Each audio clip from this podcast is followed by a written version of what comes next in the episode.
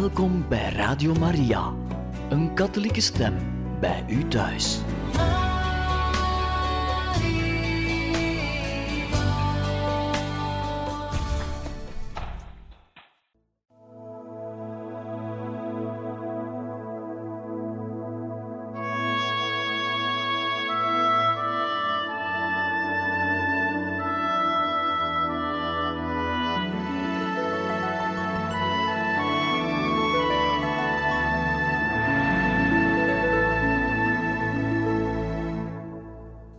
Beste luisteraars van Radio Maria. In dit programma lezen wij vandaag voor uit het boek Don Bosco van Teresio Bosco en we zijn gekomen bij hoofdstuk 19, het wandelende patronaat, bij het onderwerp een groot vraagteken over het patronaat. December. De gezondheid van Don Bosco ging ernstig achteruit. Hij was kapelaan in het kleine hospitaal waar zieke meisjes van drie tot twaalf jaar onderdak vonden. Hij werkte in de gevangenissen, in Cotolengo, in de opvoedingsinstellingen van de stad. Hij werkte in zijn patronaat, gaf avondlessen en ging de jongens op hun werk opzoeken. En de winter 1845-46 werd erg koud. De winter in Turijn begint gelukkig laat, maar er valt een dik pak sneeuw in de smalle straten. De stad heeft het daarom aanhoudend koud. Don Bosco's longen konden daar niet tegen. Don Borel kreeg het in de gaten en sprak erover met Marquisine Barolo. Zij schonk Don Bosco honderd lieren voor het patronaat, met het bevel elke bezigheid te staken tot zijn algeheel herstel. Don Bosco gehoorzaamde en schortte alle werkzaamheden op, behalve die voor zijn jongens. Het hielp niet veel en hij merkte dat spoedig. Maar de bezorgdheid voor zijn gezondheid was een peulschil vergeleken bij de zwarte onweerwolken die zich boven het patronaat samenpakten. Bitter, schreef hij, in die tijd deden vreemde verhalen de ronde. Don Bosco kreeg de naam van revolutionair, van gek en zelfs van ketter. De eersten die een groot vraagteken achter zijn werk begonnen te zetten, waren de pastoors uit de streek. Tijdens de conferentie die begin 1846 werd gehouden, was een van de punten op de dagorde het catechismusonderricht voor de jongens. De pastoor van Carmine maakte van de gelegenheid gebruik zijn bedenkingen over Don Bosco's patronaat uit te spreken. De jongens zouden vervreemden van de parochies en het ging zo ver dat ze zelfs hun pastoor niet meer kenden. Is dat nu goed of verkeerd? Andere pastoors maakten er zich ook zorgen over. Dat was geen armzalige eerzucht of jaloezie, voegde Don Bosco eraan toe. Ze hadden echt het goede voor ogen. Om de zaak te verhelderen stuurden ze twee afgevaardigden.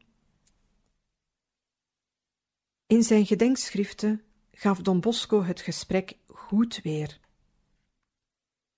In die jaren had hij het vaak moeten herhalen, want het was een voor zijn werk vitaal onderwerp. Hier citeren wij alleen de voornaamste dingen eruit. Dit patronaat, Don Bosco, vervreemdt de jongens van hun parochies. Waarom stuurt u ze daar niet heen? Omdat het merendeel van hen nog hun pastoor, nog hun parochie kennen. Ze komen nagenoeg allemaal van buiten de stad op zoek naar werk. Jongens uit Val d'Aosta, uit Savoie, uit Biella, Novara of Lombardije. Waarom helpt u ze niet de aansluiting te vinden bij hun respectievelijke parochies? Dat gaat niet. Verschil in spreektaal en onzekerheid van woonplaats maken dat onmogelijk. Men zou het kunnen proberen, op voorwaarde dat elke pastoor zijn parochianen komt ophalen en ze meeneemt naar zijn eigen parochie. Maar zelfs in dat geval zou het een hachelijke onderneming zijn.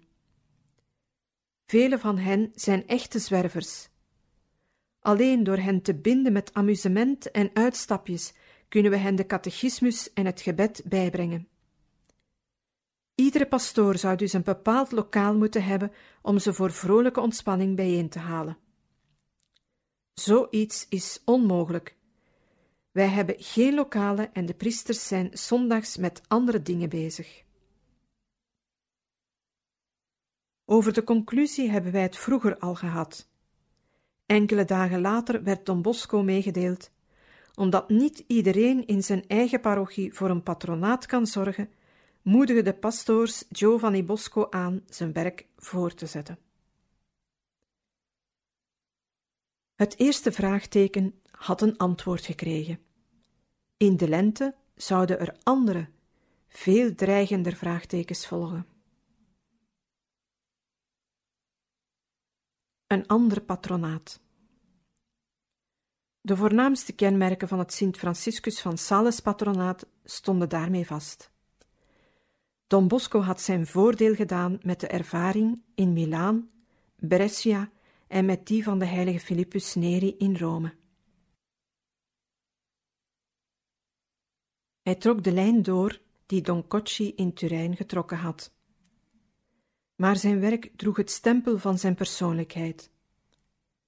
Onder zijn handen was het patronaat een origineel werk geworden, anders dan elk ander. We willen proberen van die kenmerken een onvolledige en misschien niet helemaal adequate opsomming te geven. De traditionele patronaten waren parochiaal. Don Bosco nu had een patronaat gesticht dat boven de parochiale instellingen uitging. Het werd de parochie van de jongens zonder parochie, zoals aartsbisschop Fransoni het noemde. De aanwezigheid van de priester betekende elders een vorm van ernstige gemoedelijkheid, die de blijheid temperde en het lawaai schuwde. Don Bosco voerde de uitbundige gemoedelijkheid in, waarbij de priester zelf het luidruchtige spel en de uitbarstingen van spontane vrolijkheid bevorderde. De traditionele patronaten waren alleen op zon- en feestdagen open en vaak werd het samenzijn met de jongens tot twee of drie uur van de namiddag beperkt. Maar Don Bosco was de gehele dag met zijn jongens bezig. Bovendien waren er in de week de avondlessen en de ontmoetingen op het werk zelf. De jongens die naar een normaal patronaat gaan, horen bij een parochie en treffen elkaar in een bepaalde kerk. Maar de jongens van het Sint Franciscus van Sales patronaat, die onder invloed van de interne migratie voortdurend van hot naar haar trokken, kwamen Don Bosco opzoeken, de dag met hem doorbrengen. Het centrum van het patronaat was niet de parochiekerk, maar de persoon van Don Bosco, zijn voortdurende stimulerende aanwezigheid. Om het met hedendaagse termen te zeggen, de relatie was niet institutioneel, maar persoonsgebonden. De andere patronaten deden een keuze uit de beste jongens. De ouders stelden hen voor en stonden borg voor hun goed gedrag. Don Bosco deed het precies andersom. Hij begon met ex-gevangenen die nergens vrienden hadden. Toen begon hij zich bezig te houden met kleine metselaars die ver van hun familie woonden. De verlaten en bedreigde jongens vormden de kern en het hart van dit patronaat, waarvan de deuren voor Jan en Alleman wagenwijd openstonden. Natuurlijk moest ook Don Bosco van zijn jongens een minimum aan ontvankelijkheid en medewerking vragen het echte geboefte en de losgeslagene die nooit een voet in de kerk wilde zetten, kon hij niet integreren. Maar ook hen hield Don Bosco in het oog, om ze één voor één voor zich te winnen, althans te proberen. Nu eens met en dan weer zonder succes. Een terechtstelling in Alessandria. In datzelfde jaar 1846 werd een jonge man met wie Don Bosco in de gevangenis vriendschap gesloten had, samen met zijn vader ter dood veroordeeld. De voltrekking van het doodvonnis zou te Alessandria plaatsvinden. Toen Don Bosco hem bedroefd ging opzoeken, begon de jongen te huilen en smeekte Don Bosco hem op zijn laatste tocht te vergezellen. Don Bosco voelde zich daartoe niet in staat en durfde hem dat niet te beloven. De veroordeelden werden weggebracht. Don Cafasso moest met de postkoets naar hen toe om ze in hun laatste uren bij te staan. Nauwelijks hoorde hij dat Don Bosco geweigerd had hen te vergezellen, of hij liet hem halen en riep hem toe: Maar begrijp je dan niet dat zoiets een vreedheid is? Maak je klaar, we gaan samen naar Alessandria. Maar ik kan die aanblik daarvan niet verdragen. Haast je, want de postkoets wacht niet. Ze kwamen in Alessandria aan de dag voor de executie. Toen de jonge Don Bosco in zijn cel zag binnenkomen, vlogen hem om de hals en barstte in tranen uit. En ook Don Bosco huilde. Biddend en over God pratend brachten ze samen de laatste nacht door. Om twee uur in de morgen gaf hij hem de absolutie, las in de cel de mis voor hem, gaf hem de communie en verrichtte samen met hem de dankzegging. In de doom luidde de doodsklok. De deur van de cel ging open en de gendarme met de beul traden binnen. Zoals gebruikelijk knielde deze laatste neer en vroeg om vergiffenis. Daarna bond hij zijn handen vast en ging hem de strop om zijn hals. De wagen met de veroordeelde reed de gevangenis uit. Naast hem Don Bosco. Onmiddellijk daarachter volgde de wagen met de vader, die door Don Cafasso bijgestaan werd. Er stonden veel mensen zwijgend langs de straten. Toen de galg in de verte zichtbaar werd, verbleekte Don Bosco en viel flauw. Don Cafasso had hem in het oog gehouden en liet de karren meteen stilhouden en hem eruit dragen. De tragische stoet kwam bij de galg aan en de terechtstelling werd voltrokken. Toen Don Bosco weer bij kennis kwam, was alles voorbij. Hij voelde zich diep verslagen. En hij mompelde tegen Don Cafasso: Het spijt mij zo voor die jongen. Hij had zoveel vertrouwen in mij. Je hebt gedaan wat je kon. Laat de rest maar aan God over. Maart 1846. Don Moretta, een brave priester, ging Don Bosco opzoeken. Hij had een pak brieven in zijn hand. De huurders, schreef Don Bosco, waren het lawaai van het komen en gaan van mijn jongens zo beu dat zij verklaarden allemaal te zullen vertrekken als onze bijeenkomsten niet meteen werden stopgezet. Hij had de neiging in opstand te komen. Hoe was het toch mogelijk dat niemand zijn jongens kon luchten? Waren zij zelf ook niet jong geweest? Hij wist niet waar hij heen moest. Gelukkig stond de lente voor de deur en was een kamer of een zaal niet meer zo dringend noodzakelijk. De dialogen met Don Bosco, nood. Een lezer van de eerste uitgave van mijn boek heeft er mij vriendelijk op gewezen dat de veelvuldige in het boek voorkomende dialogen geromantiseerd zijn, waardoor de levendigheid wel wat verhoogt, maar aan de historische waarheid geweld wordt aangedaan, omdat ze een subjectieve reconstructie zijn. Mijn antwoord hierop luidt dat ik die veel voorkomende dialogen niet verzonnen heb en dat ze mij daarom geen willekeurige reconstructie lijken. Mijn motieven zijn de volgende. Ten eerste, de door Don Bosco zelf geschreven gedenkschriften die in 1946 zijn uitgegeven, beslaan 238 gedrukte bladzijden. Daarvan zijn er 106 met dialogen, soms heel lang en gedetailleerd. Dat was een manier van vertellen die Don Bosco eigen was. Ten tweede, het leven van mama Margarita, dat door Don Lemoine nog tijdens het leven van Don Bosco geschreven is, bestaat voor de helft uit dialogen.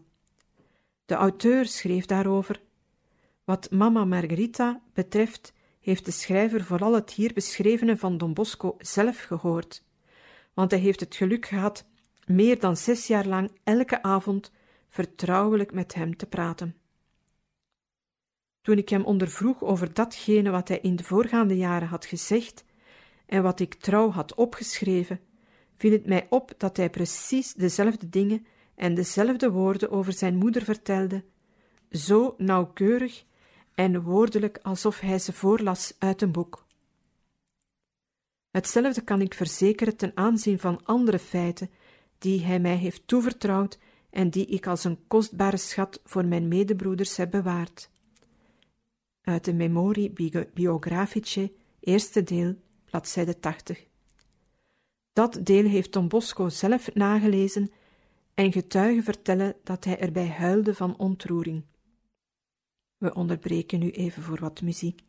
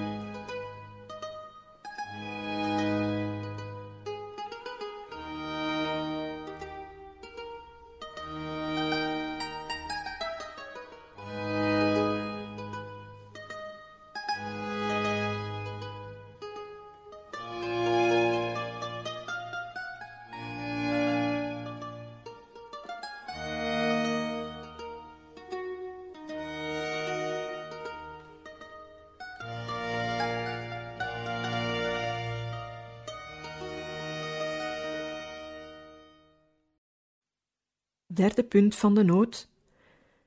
Don Lemoine publiceerde de eerste negen delen, bij elkaar 7700 bladzijden, van de Memorie Biografice, die het levensverhaal van Don Bosco tot 1870 bevatten. In de inleiding tot deel 1 schrijft hij: De verhalen, de dialogen, alles wat ik de moeite waard achtte, zijn niets anders dan de getrouwe letterlijke weergave van wat de getuigen hebben gezegd. En in de inleiding tot deel 8 staat: We herhalen hier met nadruk dat alles wat we hier hebben opgeschreven en nog schrijven, een nauwkeurig verslag geeft van het gebeurde.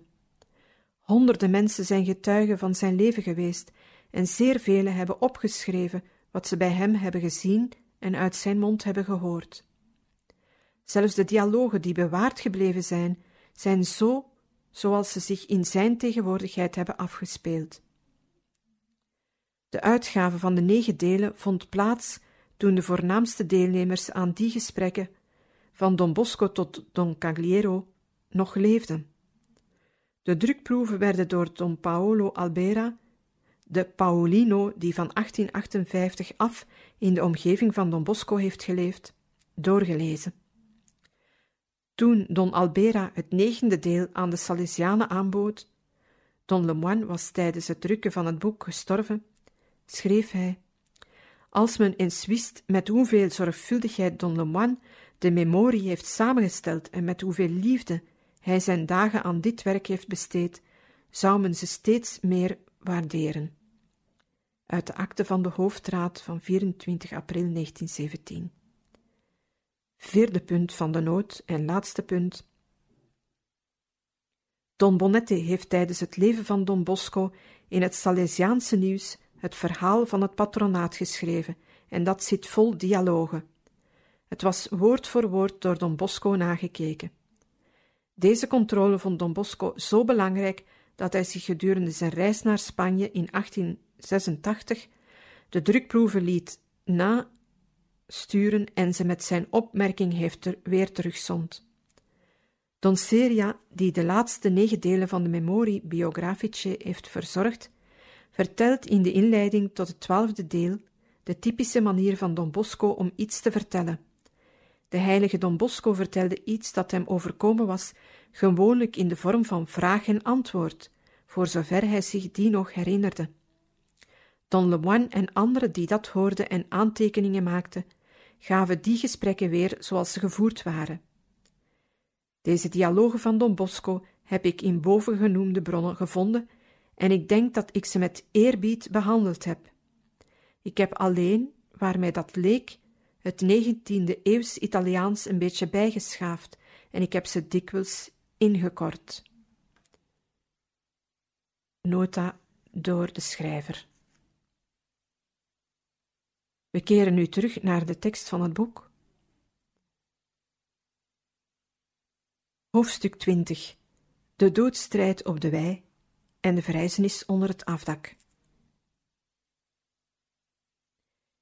Hij slaagde erin een wei te huren, die door een haag omgeven was. Die lag niet ver van huizen Moretta, op amper vijftig stappen er vandaan.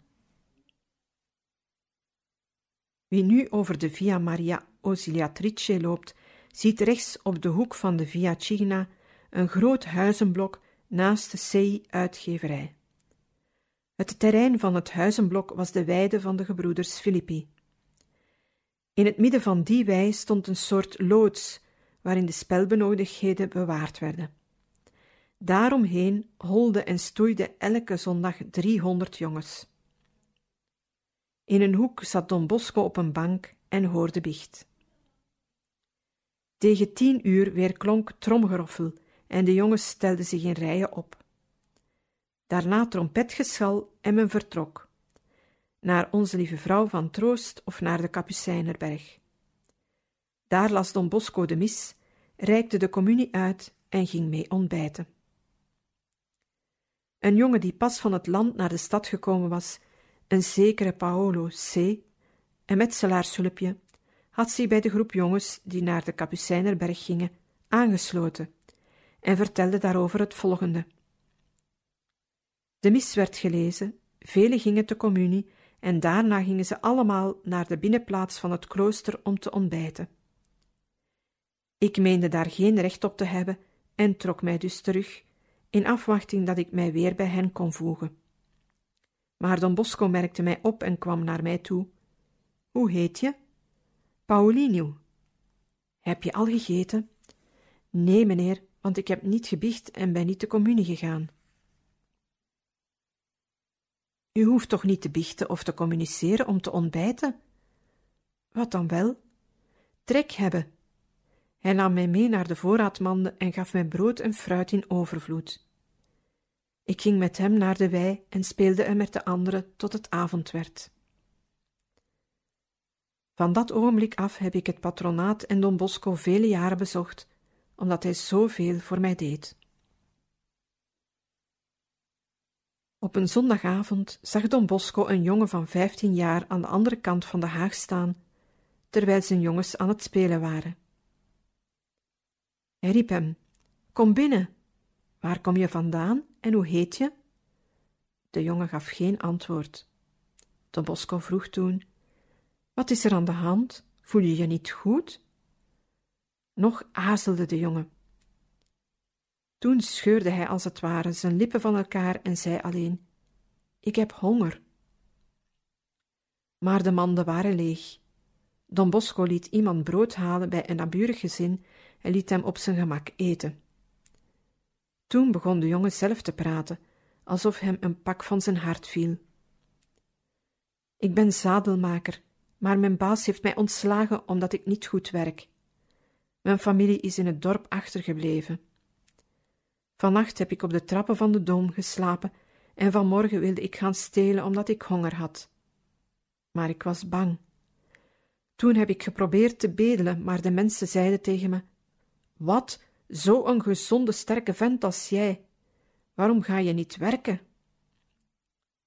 Toen hoorde ik hier die jongens schreeuwen en ben ik hier naartoe gekomen. Luister eens, vanavond en vannacht zorg ik voor jou. En morgen gaan we naar een goede baas en je zult zien dat die je neemt. En als je weer naar onze zondagen wilt komen hier, zul je mij daarmee een groot plezier doen. Ik kom graag. Tijdens die maanden op de Filippi-weide deden vreemde verhalen over Don Bosco de ronde. Er rezen drie ernstige gevaren: tegenstand van de burgerlijke overheid, het verhaal dat Don Bosco niet goed snik was, met als gevolg dat zijn medewerkers hem in de steek lieten, en het vooruitzicht dat de hele zaak gesloten en hij de laan uitgestuurd zou worden. De markies en de politieagenten. Het waren toen revolutiejaren. En wanneer driehonderd jongens in kolonnen op de klanken van trompet en trommel de stadspoort binnentrokken, stemde dat het hoofd van de politie tot nadenken. Dat waren geen kinderen meer, schreef Don de Moine, maar stevige, stoutmoedige jongelui, die natuurlijk het onafscheidelijke mes bij zich hadden. Marquis Michele di Cavour, vader van Camilo en Gustavo, plaatsvervangend burgemeester van de stad en derhalve hoofd van de politie, liet Don Bosco ontbieden. Het gesprek werd eerst in diplomatieke termen gevoerd, maar ging toen hard tegen hard. Don Bosco kreeg het barstige bevel het aantal jongens te beperken, ervoor te zorgen niet meer in kolonnen de stad binnen te trekken en vooral de grootsten uit te sluiten, omdat die het meest gevaarlijk waren. Don Bosco weigerde. Toen begon Cavour te schreeuwen: Wat heeft u met die schoften te maken? Laat ze thuis blijven. Neem die verantwoordelijkheid niet op u. Daar komt alleen maar ellende van. Ik leer de catechismus aan die arme jongens, antwoordde Don Bosco stug. En dat kan nooit tot ellende leiden. Ik doe overigens alles met goedkeuring van de aartsbisschop. Is de aartsbisschop op de hoogte van al die dingen? Nou, goed dan. Ik zal eens met Fransoni praten en dan zal hij aan die dommigheden wel een einde maken. Monsieur Fransoni schafte helemaal niets af, maar verdedigde Don Bosco. Van die dag af begonnen agenten van het politiebureau hun ronde te doen langs de rand van de wei waar de jongens speelden. Don Bosco maakte er grapjes over, maar hij leefde op hete kolen. Als ze de minste onregelmatigheid constateerden, was er gedaan met het patronaat. Cavour had wat in de melk te brokken. We onderbreken even voor wat muziek.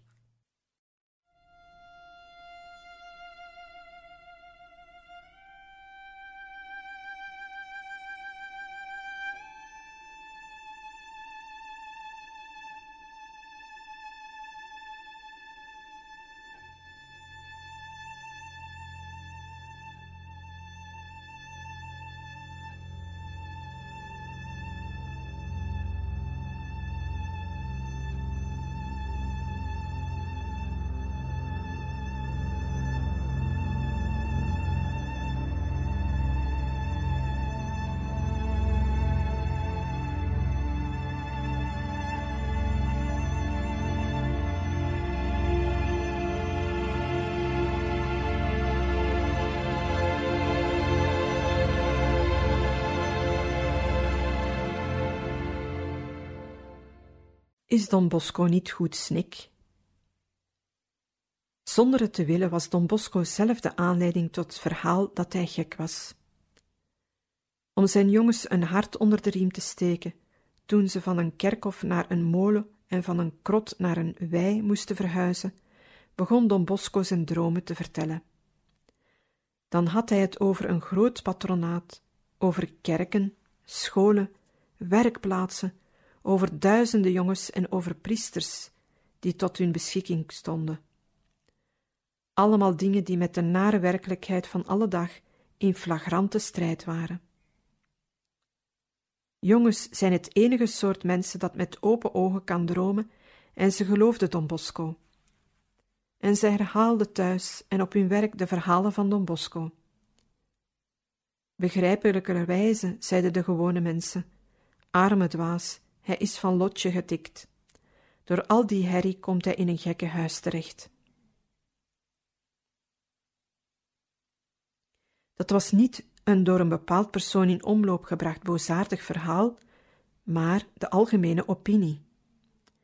Michel Leroy schrijft: Ik had net de mis gediend in de Fabrica d'Army en wilde weggaan, toen de kapelaan mij vroeg: Waar ga je heen? Naar Don Bosco, want het is zondag. Maar weet je dat dan niet? Hij is ziek en het is een ziekte waarvan hij moeilijk zal kunnen genezen. Dat verhaal greep mij erg aan. Wanneer men mij gezegd had dat mijn vader ziek was, had het mij niet erger kunnen treffen. Ik rende naar het patronaat, maar vond daar tot mijn verbazing de glimlachende Don Bosco van altijd. Hij is zo gek van zijn jongens dat het hem in zijn hoofd geslagen is. Zo luidde de ziekte waarover men in die dagen in Turijn praatte. Don Borel, zijn medewerker en broederlijke vriend, trachtte Don Bosco tegen te houden, zijn dromen te vertellen. Jij praat maar over een kerk, over een tehuis en over een speelveld. Maar waar zijn die dingen? Ik weet het niet, maar ze bestaan wel, want ik zie ze, mompelde Don Bosco. Op een dag toen hij opnieuw vruchteloos geprobeerd had Don Bosco tot reden te brengen, begon Don Borel te huilen.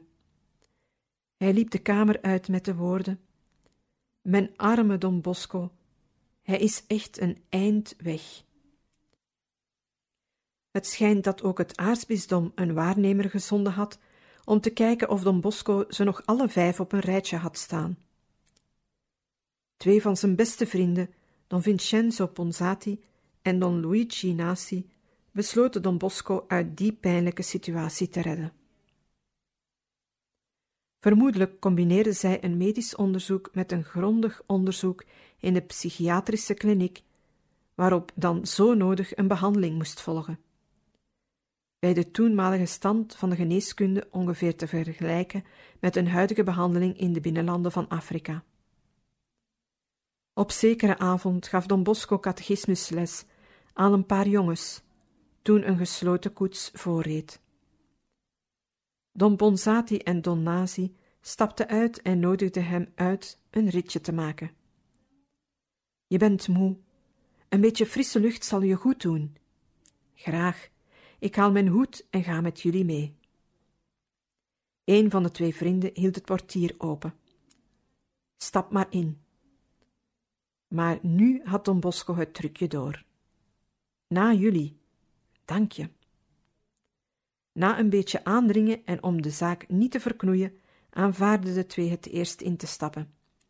Maar nauwelijks waren ze ingestapt, of met een snelle beweging sloot Don Bosco het portier en riep tegen de koetsier: En nu naar het gekkenhuis, vlug! Die twee worden er verwacht. Het gekkenhuis of de psychiatrische kliniek lag niet ver af. De verplegers waren op de hoogte en zaten naar één priester uit te kijken, maar nu zagen zij er twee opdagen. De kapelaan van het gesticht moest tussen beiden komen om de ongelukkige te bevrijden. Het was een vrij kwalijke grap, eerlijk gezegd meer van de zijde van Don Bosco dan van zijn beide vrienden. Don Ponsati en Don Nazi waren er erg door in hun wiek geschoten. Later zouden ze weer vrienden van Don Bosco worden. Don Nazi vooral werd de bezieler van de muziek in het patronaat. Don Bosco werd intussen door allen in de steek gelaten. Vol bitterheid schreef hij: Allen meden mij, en mijn medewerkers lieten mij alleen te midden van ongeveer 400 jongens. Op zulke momenten schiet het gezond verstand tekort. Don Bosco is of een heilige of een gek. Moeilijk uit te maken. Het was ongeveer dezelfde situatie als die waarin Franciscus van Assisi zijn kleren naar het gezicht smeet van zijn vader en naakt wegliep met de woorden: Nu kan ik zeggen, onze Vader die in de hemelen zijt. En hetzelfde gebeurde met Cotolengo toen hij zijn laatste geld het raam uitgooide en tevreden zei: Nu zullen we eens zien of het kleine huis mijn werk is of dat van God. Wie durft de kleine mensen die op voorzichtigheid en gezond verstand bouwen, beschuldigen omdat ze die mensen dwazen hebben genoemd? Het was zo een vreemde situatie dat Don Bosco zelf twijfelen ging aan zijn dromen. Op 10 mei 1864 hield Don Bosco een conferentie en diaken Bonetti heeft die onmiddellijk opgetekend. Don Bosco vertelde dat hij in die dagen in zijn droom een huis zag, niet ver van de weide, dat voor hem en zijn jongens bedoeld was. De volgende morgen zei hij langs zijn neus weg tegen Don Borel: Nu staat het huis er. De priester stelde hem voor te gaan kijken. Ze gingen. Het was een huis dat door vrouwen van bedenkelijk allooi bewoond werd. Vol schaamte riep Don Bosco uit: Nu weet ik dat het duivelse droombeelden zijn. En hij kreeg een kop als vuur. Maar de droom keerde nog tweemaal terug en Don Bosco bad schreiend: Heer, verlicht me en verlos mij van die onverkwikkelijke dingen. Maar de droom kwam nog een vierde keer terug en hij hoorde een stem: Wees niet bang, bij God is alles mogelijk. De doodstrijd op de wei. In die dagen kwamen de eigenaars van de wei kijken. Had de markies ze gestuurd? Ze bogen zich over het grasveld dat door achthonderd klompen en schoenen ongenadig vertrapt was en riepen Don Bosco toe: Dat wordt hier een woestijn. Op die manier wordt onze wei een verharde weg. We hebben geduld gehad, eerwaarde, maar zo kan het niet verder. U hoeft geen huur te betalen, maar wij moeten u opzeggen. Ze gaven hem twee weken tijd om te vertrekken. Voor Don Bosco kwam dat nieuws als een donderslag. Bij al die vernederende gebeurtenissen kwam ook nog de zorg zo spoedig mogelijk een andere wei te vinden. Dit keer vond hij niets. Wie verhuurt nu iets aan een gek? 5 april 1846, de laatste zondag op de Filippi-wei, werd een van de bitterste dagen uit Don Bosco's leven. Hij ging met zijn jongens naar de kerk van de Madonni di Campagni. Tijdens de mis preekte hij, maar hij kon geen blijde toon vinden en hij sprak evenmin over het verplanten van kool. Hij zei dat hij zijn jongens bekeek zoals vogels kijken naar wie hun nest komen vernielen. En hij vroeg hen tot de Madonna te bidden. Ondanks alles waren zij in haar handen. Smiddags deed hij een laatste poging bij de Filippis. Hij bereikte niets. Moest hij echt zijn jongens de laan uitsturen? Op de avond van die dag, schreef hij, keek ik naar de vele jongens die aan het spelen waren. Ik was alleen, aan het einde van mijn krachten en met de geknakte gezondheid. Ik trok mij op mijn eentje terug en maakte een kleine wandeling. Maar ik slaagde er niet in mijn tranen te bedwingen. Mijn God, riep ik uit, zeg me toch wat ik moet doen. We onderbreken nu even voor wat muziek.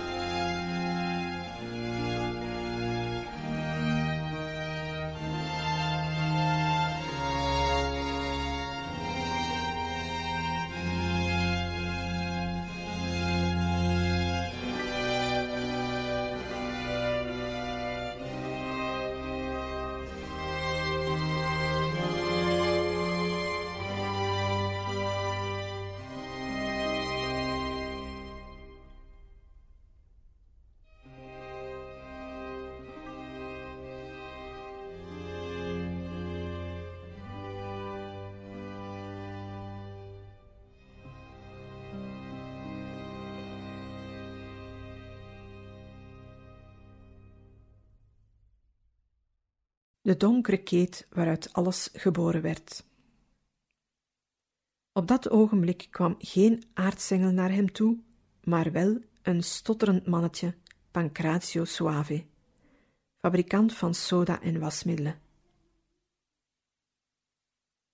Is het waar dat u een lokaal zoekt om er een werkplaats in te richten? Niet een werkplaats, maar een patronaat. Ik ken het verschil niet tussen die twee, maar plaats is er in alle geval. Komt u maar kijken. Het is eigendom van meneer Francesco Pinardi, een eerlijke man. Don Bosco liep, nog altijd in de wijk die Valdocco heette, 200 meters dwars door het terrein en stond voor een keet met één verdieping, een trap en een balkon van vermolmd hout, omringd door tuinen, weiden en velden. Vlakbij lag het verdachte huis dat hij in zijn droom gezien had. Ik wilde de trap opgaan, maar Pinardi en Soave zeiden: Nee, de voor u bestemde plaats ligt hier achter. Het was een open loods. Pelgrims die het plein naast de basiliek van Maria Hulp der Christenen oversteken, zien hem nu nog in de diepte liggen, verscholen tussen de gebouwen. Een donkere kleine keet van waaruit het gehele gigantische werk van Don Bosco zich ontwikkeld heeft. In grote letters staat erop Pinardi Kapel. Want heden ten dagen is het een rijk versierd kapelletje. De Salesianen hebben het in 1929 zo herbouwd. Maar toen Don Bosco daar op die 5 april 1846 voorstond, was het slechts een pover, laag afdak, dat aan de noordkant tegen het huis van Pinardi aanleunde. Een muurtje eromheen maakte het tot een soort barak. Een tijdje geleden was het opgetrokken en het had als werkhuis gediend voor een hoedemakerij en als hok voor wasvrouwen. Er liep een goot langs die iets verder in de Dora uitmondde. Die keet mat vijftien bij zes meter en daarnaast waren twee kleine hokjes. Don Bosco stond op het punt het voorstel af te slaan. Te laag, ik kan het niet gebruiken. Ik zal het laten uitdiepen, trapjes maken en de vloer wijzigen. Maar ik sta erop dat u hier uw werkhuis inricht. Niet een werkhuis, maar een patronaat, herhaalde Don Bosco. Een kleine kapel om de jongens bijeen te halen. Pinardi's misverstand was begrijpelijk. In die tijd werden in de nabijheid van rivieren talrijke werkhuizen en fabrieken opgetrokken. Hij aarzelde een ogenblik en zei toen: Nog beter, ik ben koorzanger en zal u een handje komen helpen. En ik zet er twee stoelen neer, één voor mij en één voor mijn vrouw. Don Bosco weifelde nog. Toen zei hij: Als u mij belooft het terrein vijftig centimeter uit te diepen, neem ik het aan. Hij wilde niet meer per maand huren. Hij betaalde 320 lieren voor een jaar, dit wil zeggen meer dan de helft van zijn jaarsalaris, in het kleine hospitaal. Hij kon beschikken over de keet en over de lap grond rondom, waar de jongens zouden kunnen spelen. Hij rende naar zijn jongens toe en riep: Hoera, jongens, we hebben het patronaat gevonden. En we zullen een kerk, een school en een binnenplaats om te rennen en te spelen hebben. Volgende zondag gaan we aan de slag. Het is daar, bij Huize Pinardi. Het gebeurde op Palmzondag. De volgende zondag was het Pasen, de dag van de verrijzenis. Toen de klokken luidden. Francesco Pinardi hield zijn woord. Prompt verschenen er metselaars die begonnen te graven en muren en dak versterkten. Timmerlui maakten een nieuwe vloer van houten planken. In zes dagen tijd een onmogelijke opgave, maar men moet niet vergeten dat een werkdag toen twaalf tot veertien uur bedroeg. Op zaterdag was het gebouw helemaal vernieuwd. Op het altaartje van de kapel zette Don Bosco de kandelaars, het kruis, de lamp en een klein schilderij van de heilige Franciscus van Sales. 12 april was de grote dag. Op paasmorgen beierden de stadsklokken. In de buurt van de Pinardikeet was nergens een klok, maar wel Don Bosco's genegenheid die zijn jongens naar het laaggelegen terrein van Valdocco riep. In grote groepen daagden ze op. Ze vulden het kerkje, de strook terrein en de wei rondom. In stille ingetogenheid woonden zij de inzegening van de kapel en de mis bij, die Don Bosco daar meteen las. Daarna renden ze op hun broodje af, stormden de wei op en barsten in vreugde uit. Ze hadden eindelijk een huis helemaal voor hen alleen. Hoofdstuk 21 Het wonder van de kleine metselaars. Vijf bladzijden van zijn gedenkschriften tonen ons het modeldagprogramma dat Don Bosco jarenlang in het patronaat van Valdocco gevolgd heeft. Een erg vol programma, te vol voor onze tijd. Ik denk niet dat vele tegenwoordig de jongens van een patronaat zo een programma durven voorleggen.